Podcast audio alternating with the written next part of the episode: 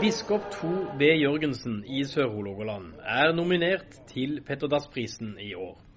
For noen er han selv en moderne Petter Dass. Ja, det er jeg ikke så sikker på. Det har jo blitt trukket noen sammenligninger. Det syns jeg er litt i voldsomste laget. Men uh, det må jo være engasjement for folk, da. For uh, Petter Dass er jo en folkelig eh, mann. Men Petter Dass var jo veldig flink med ord til også å skrive poesi. Det har jeg følt at det har ikke vært min gate. da. Så det er ikke mange dikt jeg etterlater meg, og heller ikke noen skjulte som vil dukke opp øh, senere. Å ha vært i blåsten her i 16 år eh, nå, det har satt spor. Og kommer jeg til å savne veldig. Innlandsklimaet og innlandslivet eh, på Østlandet er jo annerledes enn dette, og kommer ikke opp imot dette. Det må jeg få lov til å si. Men det er blåsten som har gjort at sveisen er blitt sånn som den er blitt? da. Nei, altså De hadde seg sånn at jeg skulle på en måte være litt forberedt på å spille den første biskopen her i eh, Nord-Norge. Mathias Bonsa Krogh. Han hadde litt lengre hår enn jeg hadde da, så da lot jeg håret vokse av den grunn. Han har vært en veldig sterk talsmann for folk på flukt.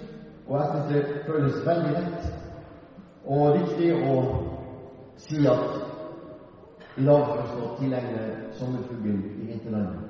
til der Og du ga meg et smil som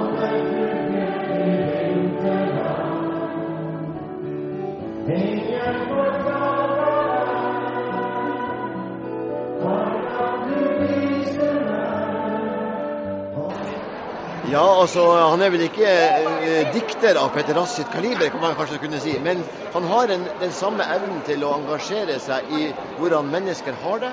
Og han får folk til å bli glad i seg, som også Petter Dass fikser til de grader. På kvelden i morgen klokken 18 så er det også noe som foregår på en annen arena. Og det er altså sånn. Og se her, nummer 70. Nord-Norge har jo jeg egentlig alltid likt, da.